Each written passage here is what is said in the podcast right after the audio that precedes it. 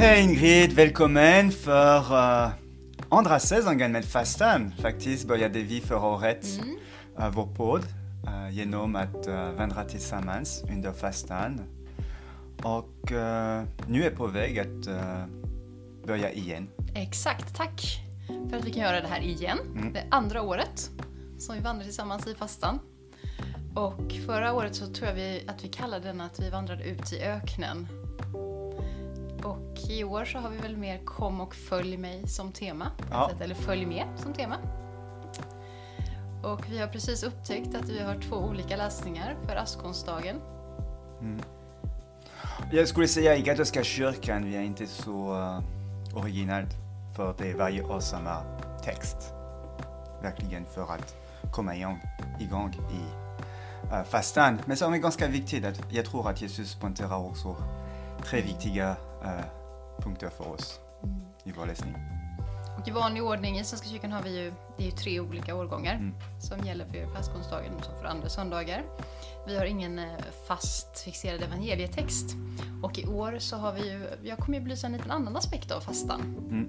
än vad du då gör i ditt evangelium, Ja, helt enkelt. men jag Så det blir spännande. Ja, här. och uh, faktiskt din läsning uh, är verkligen en poäng som jag funderar över. Att välsigna tiden, att fastan som en tid uh, om året för att verkligen välsigna tiden.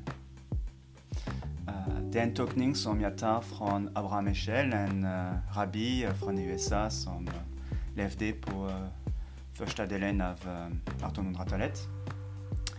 Och han har skrivit en fantastisk bok som heter Shabbat. på sabbaten. Och han verkligen uppmuntrar oss att återupptäcka uh, tiden i eh, uh, den hebreiska uh, skriften. Att hur faktiskt Gud gav en dag för att välsigna hela tiden.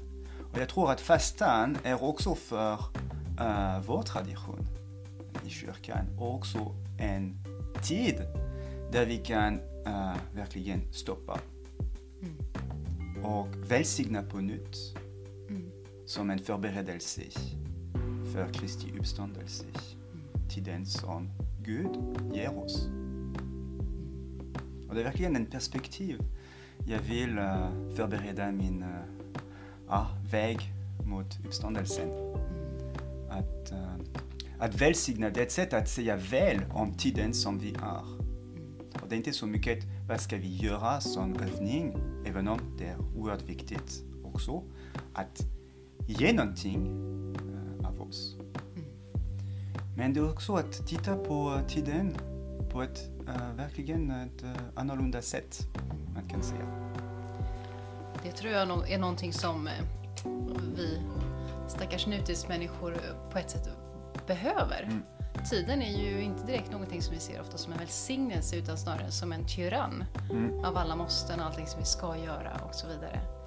Och där uppskattar jag ju verkligen också det judiska sättet att se på detta som tiden, denna dag som en välsignelse, eller denna tid blir det då när vi pratar om fastan, som en välsignelse.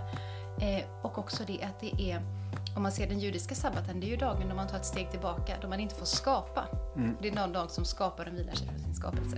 Ja. Vi får inte skapa någonting nytt. Men just där, där vi vilar och samtidigt, det är inte en dag för tomhet, det är en dag för att umgå, där man umgås med Gud, umgås med andra människor. Och det är en dag där helt ve- veckans arbete får vila, men så att Gud får, på något sätt saker och ting får mogna fram.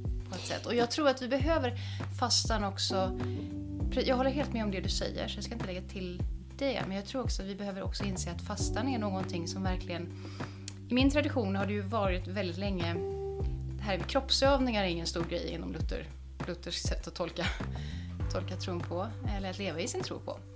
Men jag tror att vi behöver fasta, vi behöver de här enkla övningarna ehm, för att förstå att hela vårt väsen är involverat i fastan. Att, detta, att, att, att, liksom att, att fastan är någonting som omfattar inte bara min själ och min ande, men faktiskt också min kropp. Att hela mitt väsen får vara inblandad i det. Och det behöver man ju inte göra så komplicerat. Det finns ju en mängd olika sätt att fasta på. Sen finns det de här vanliga kutym, inte äta kött och ägg och så vidare.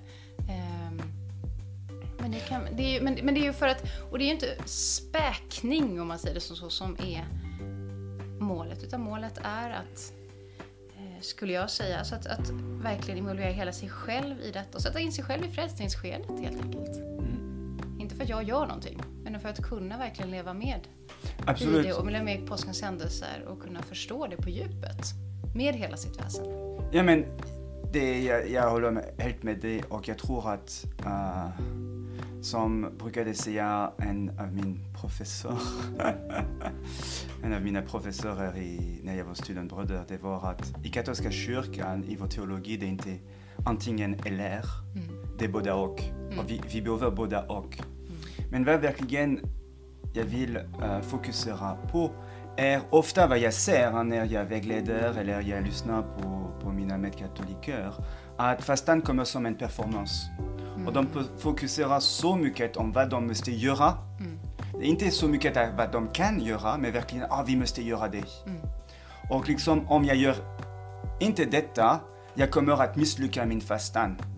Och de tappar bort poängen med fastan, att ge Gud en plats i vårt liv, i vårt mitt. Och det är verkligen vad sabbaten var med. Det var inte bara att vila och stanna hemma på sängen och göra ingenting. Det var att säga det är en dag för Gud. Det är en, det är en dag där jag kan återupptäcka min familj. Jag kan umgås med min, med min familj, med mina vänner. Med Gud med. Och jag tror att fastan det är detta. Och det är vad säger också uh, uh, ditt uh, evangelium uh, i katolska kyrkan. Att det finns en som kommer. Jesus Kristus. Och hur ska vi vara med honom under fastan? Så det är verkligen Svenska kyrkans perspektiv. Han finns här. Exakt. Vad ska vi göra? Vårt perspektiv i katolska kyrkan genom Matteus 6, det är verkligen att säga hur kan jag återupptäcka Gud genom mina bröder och systrar? Det var vi säger genom att ge almosor. Mm. Jag, jag, jag verkligen återupptäcka Gud i andra. Mm. Hur kan jag prata till Gud? Varför bön är viktigt, att ge en plats till bönen under mm. fastan. Och där uh, lär Jesus oss uh, Fader vår. Och sen, hur kan jag också upptäcka Gud i mig själv genom, fast, genom att fasta? Mm. Och att fasta det är inte så mycket en performance för att gå ner i vikt. Det är verkligen att säga, men vad jag in, den tid som jag inte tar för att äta, den tid som jag kan ge åt Gud. Mm. Som jag kan vara med Gud. Mm. Att förstå att jag behöver inte bara äh, mat, äh, fysiska mat, mm. men jag, jag, jag, jag behöver också det andliga maten. Mm. Det är ganska viktigt och att den är lika viktig för dig som den fysiska maten, vilket vi så ofta glömmer bort. Mm. Och jag tror att fastan, om fler människor tog, tog sig tid att upptäcka denna otroligt värdefulla tid som det är, vilken gåva den är som ges oss mm. eh, under tiden nu fram till påsk. I Svenska kyrkan är vi ju faktiskt på ett sätt lite mer hardcore för vi firar ju redan förfasta nu. Vi har ju firat eh, Septuagesia, Sexagesima och så vidare och sen kommer vi till fastlagssöndagen. Ehm, men om människor skulle ta sig mer tid för detta så skulle de ju på ett sätt, så det handlar ju också på djupa sätt att bli en mer sann, sann människa. Så som vi är tänkta att vara, mm. skulle jag säga. Um, och jag vet inte, det är kanske lite förvirrande för folk nu för de har inte riktigt koll på vilka evangelietexter vi har. Det kanske vi ska nämna Varsågod. också. Ja. jag har nämligen Markus evangeliets andra kapitel och det är verserna 18 till 20. Och då hör vi att eh, Johannes lärjungar och fariseerna fastade och kom några och frågade Jesus varför fastar Johannes lärjungar och fariseerna men inte dina lärjungar? Jesus svarade, inte kan väl bröllopsgästerna fasta medan brudgummen är hos dem. Så länge de har brudgummen hos sig kan de inte fasta. Men det ska komma en tid då brudgummen tas ifrån dem och när den dagen är inne kommer de att fasta. Det är också en viktig aspekt kan jag tycka under, det finns flera viktiga aspekter för fasta tiden här. Eh, dels att det är en bröllopsfest som vi är på väg mot. och det finns ju i vår kyrka finns ju tradition att söndagar är ju dagar som inte är fasta dagar. Den kristna fastetiden är ju förlängd. Därför att söndagar är uppståndelsens dag, på ett sätt bröllopsfestens dag, som återkommer hela tiden Mm. under fastan. Men sen också detta att när brudgummen tas ifrån dem. På ett sätt fastan är ju en tid då vi också eh, då Kristus på ett sätt är närvarande men också är långt borta på ett sätt. Han, han är ju inte, han är där men han är inte riktigt där. Och då är det en tid där vi får möjlighet att, för det här att verkligen ge sig in i fastan som du beskriver det. Eh, det är också att ge sig in i någonting som påverkar oss inifrån och ut. Och någonting som jag tror att vi kommer att misslyckas i. Vi tar, man ska egentligen tala om lyckan och misslyckande i fastan. Men på ett sätt är det gott att misslyckas i den. För då inser vi vårt fullkomliga beroende av Kristus i allt detta. Och det är någonting mer dyrbart än någonting annat som vi egentligen kan lära oss under detta. Eh, så skulle jag se det. Absolut. Jag ser fram emot vår vandring under fastan. Jag med. Vilken ska du kanske bara säga vilken text du har? Ja, Matteus 6 som sagt. Ja. Jag sa det i... Förlåt. Men Matteus 6, och jag kommer inte att läsa för det är en lång uh, avsnitt. Mm. Men jag tror att du har verkligen sammanfattat vår väg uh, till påsk. Jag ser fram emot den. Ja. Men tack igen Ingrid. Tack själv.